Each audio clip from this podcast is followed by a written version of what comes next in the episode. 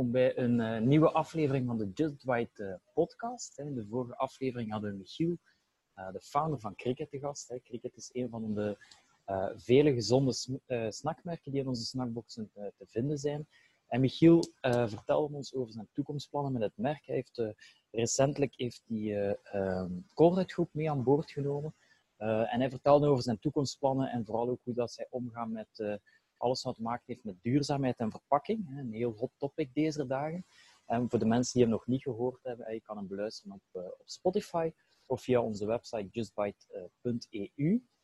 En misschien nog heel kort voor de nieuwe luisteraars. In deze podcast willen we enerzijds de gezonde snackmerken met een sterk verhaal aan het woord laten. En anderzijds spreken we met, de, met experten op het vlak van well-being en, en werkgeluk.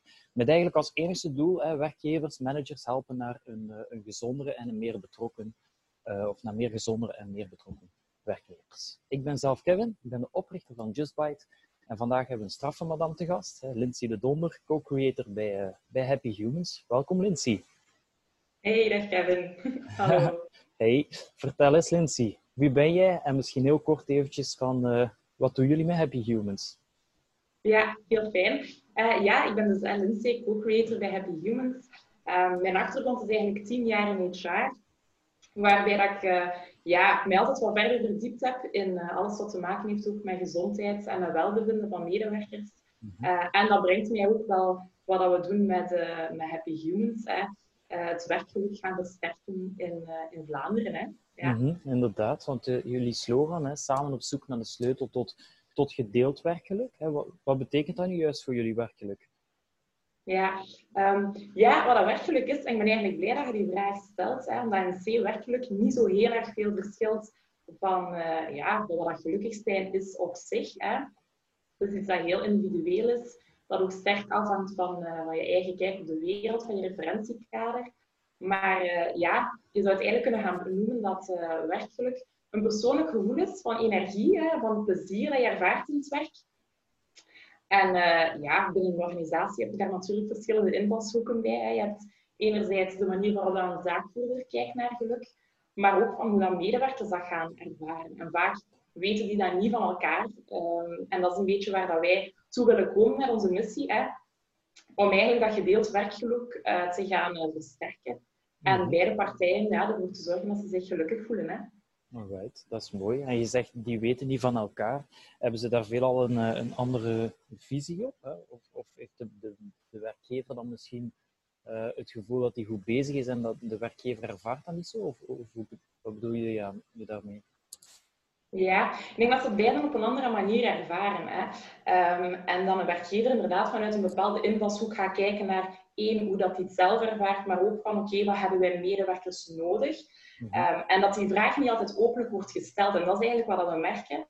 En doordat wij uh, open in gesprek gaan met medewerkers, krijgen we vaak een, eh, een heel ander antwoord dan wat de werkgever zou verwacht hebben. En dan komen er heel kleine dingen soms naar boven, um, die heel makkelijk aanpasbaar zijn waardoor dat medewerkers veel gelukkiger zijn en waarvan de werkgever zegt van, oh ja, eigenlijk, dat kostte mij niks van moeite, hè, maar ik heb het gewoon niet geweten. Mhm, ehm. En die blind spots van, die we ontdekken, hè, bij zowel van de medewerkers als de werkgevers, uh, proberen we eigenlijk ja, in een advies te gaan, uh, te gaan gieten die gekoppeld is aan de strategie van het bedrijf.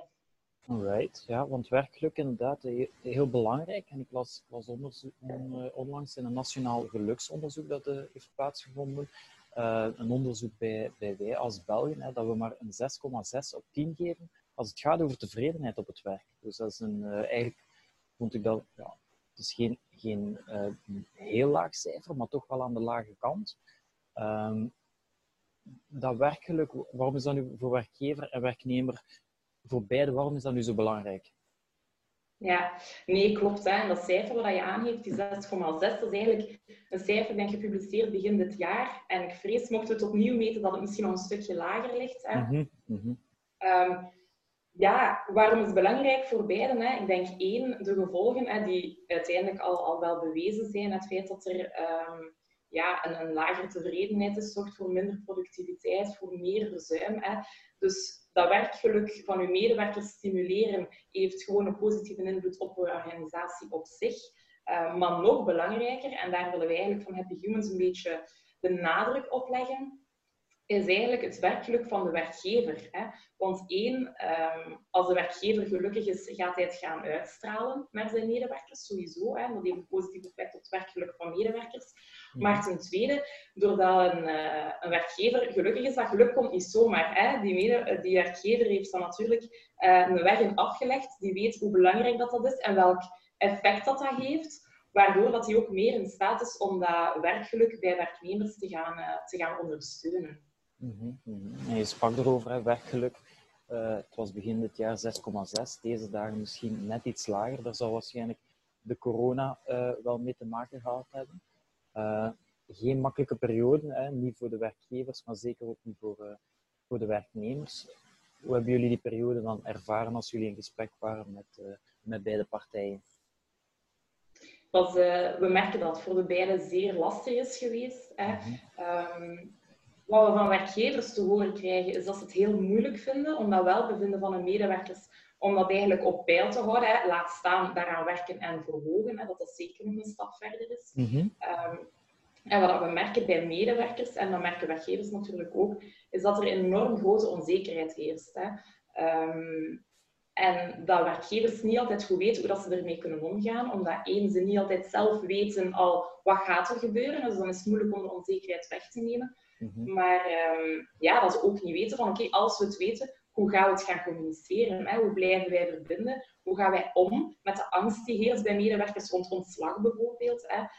Um, dus het is heel heftig op dit moment. Ja. ja, en de afstand, hè, de, het feit dat werknemers uh, en werkgevers ook, maar dat die allemaal van thuis uitwerken of een andere, op een andere locatie zitten, dat zal waarschijnlijk niet helpen. Hè? Je hebt waarschijnlijk minder dat, de, dat contact met elkaar. Als je iemand tegenkomt in de gang, kan je soms wel al eens uh, iets oppikken. Dat, dat vervalt uh, deze dagen dan. Hè? Dus dat zal de situatie er niet op uh, vergemakkelijken. Nee, klopt. Die informele gesprekken, die net het belangrijkste zijn, die vervallen. Hè. En we merken wel dat, uh, want echt chapeau, er zijn heel veel organisaties die, uh, die heel veel stappen hebben ondernomen om digitaal te kunnen gaan, om één op één gesprekken te doen met medewerkers. Hè. Um, dus absoluut. Alleen um, ja, blijft in een afstand daar. Hè, en krijg je misschien net meer informatie als je aan die koffiemachine staat en een oprechte van hoe gaat het mhm. met u uh, vraagt. Dus het is zeker niet altijd evident om datzelfde effect online, uh, online te bekomen.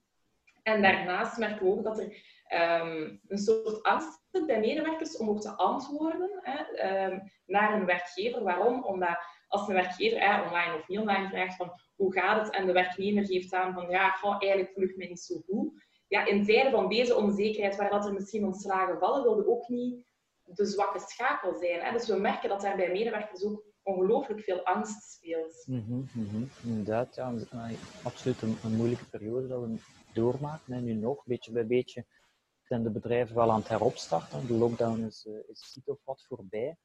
Uh, bedrijven starten opnieuw op. De medewerkers komen terug met elkaar in contact, komen ook terug met hun werkgevers in contact. Uh, inderdaad, ook geen makkelijke situatie na de afgelopen 2,5 maand. Wat is jullie advies daarvoor bij de partijen? Ha, um, communiceren, hè? Dat, dat is een hele, ja, een hele standaard antwoord, maar, maar het is wel hetgeen wat nu het belangrijkste is van al. Hè. Mm -hmm. uh, het is echt niet evident voor bedrijven om te heropstarten, uh, maar ook niet voor medewerkers om terug te keren. Hè. Um, in kader daarvan zijn we onlangs bij een aantal bedrijven gestart met het HR-herstelplan. En wat we daar eigenlijk mee gaan doen, is bedrijven gaan ondersteunen, uh, net in dat proces. Hè. Um, en daaruit zal ik misschien een aantal voorbeelden geven of een aantal tips die iedereen kan, um, kan gaan meegeven. Hè. Waar dat wij sowieso op inspelen is motivatie, well-being, cultuur. Hè. Dat gaat allemaal een stukje veranderen. Hè. Op corona heeft daar alles een stukje effect op gehad. Dus hoe gaat je dat gaan installeren nu?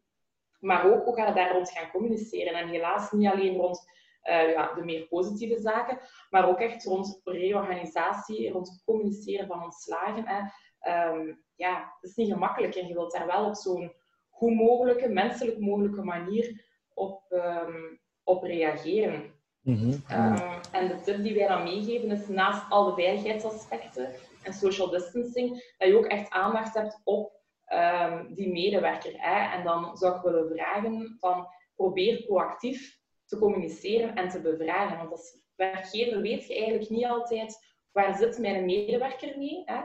En ehm, door te gaan vragen van, kijk, hoe, hoe ehm, waar zit je mee? Welke vragen heb je? Vaak is dat van, hoe gaat dat zijn? Welke maatregelen zijn er genomen? Kan ik wel veilig komen?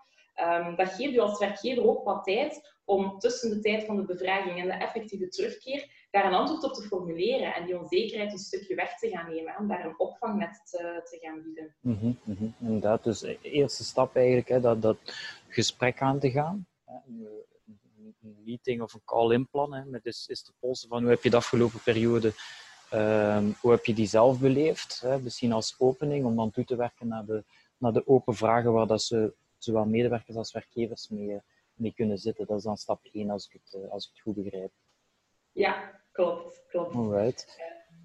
Ja, je sprak daarnet ook hè, aandacht voor, uh, voor die medewerkers, waar dan natuurlijk ja, well-being en gezondheid is, is toch ook een topic dat uh, heel erg geleefd heeft de afgelopen week. Ik denk dat er uh, zelden zoveel mensen aan het sporten gegaan zijn en zich op gezonde voeding gesmeten hebben. Ik weet niet, hebben jullie dat ook gemerkt? Of zijn bedrijven daar nog bewuster mee bezig dan, dan dat ze voordien waren?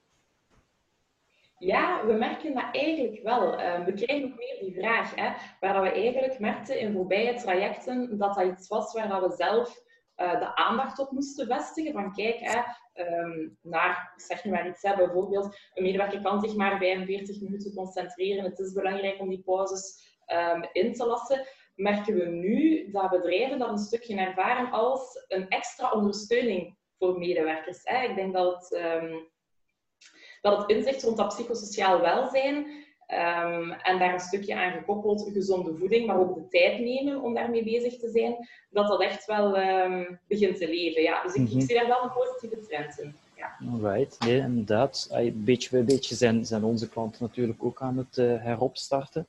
Um, de, degenen die ons gevolgd hebben, die hebben ook een beetje gezien dat er een, een bepaalde switch in ons verhaal zit. Hè.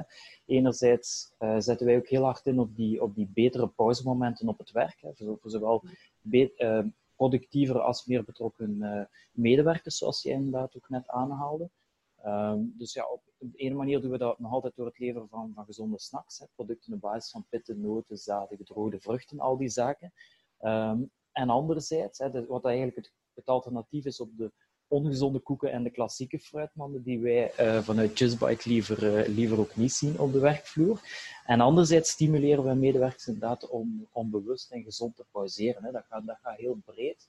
Dat gaat van beweging tot meditatie, tot, uh, tot verbinding, hè. elkaar feedback geven en dergelijke, op een heel laagdrempelige manier om, om, om die onderlinge band die dat er de afgelopen weken en maanden zeker af en toe niet was, om die terug wat te gaan wat aan te sterken. Hè.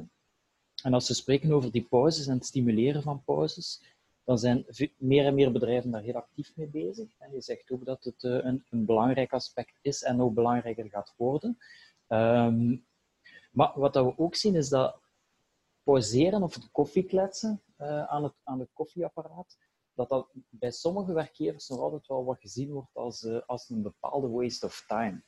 Uh, ik hoop dat na de corona en na uh, alles wat, uh, wat daarover geschreven en gedaan is, dat dat een beetje een andere wending krijgt. Maar zijn dat zaken die jullie ook gemerkt hebben? Ja, absoluut.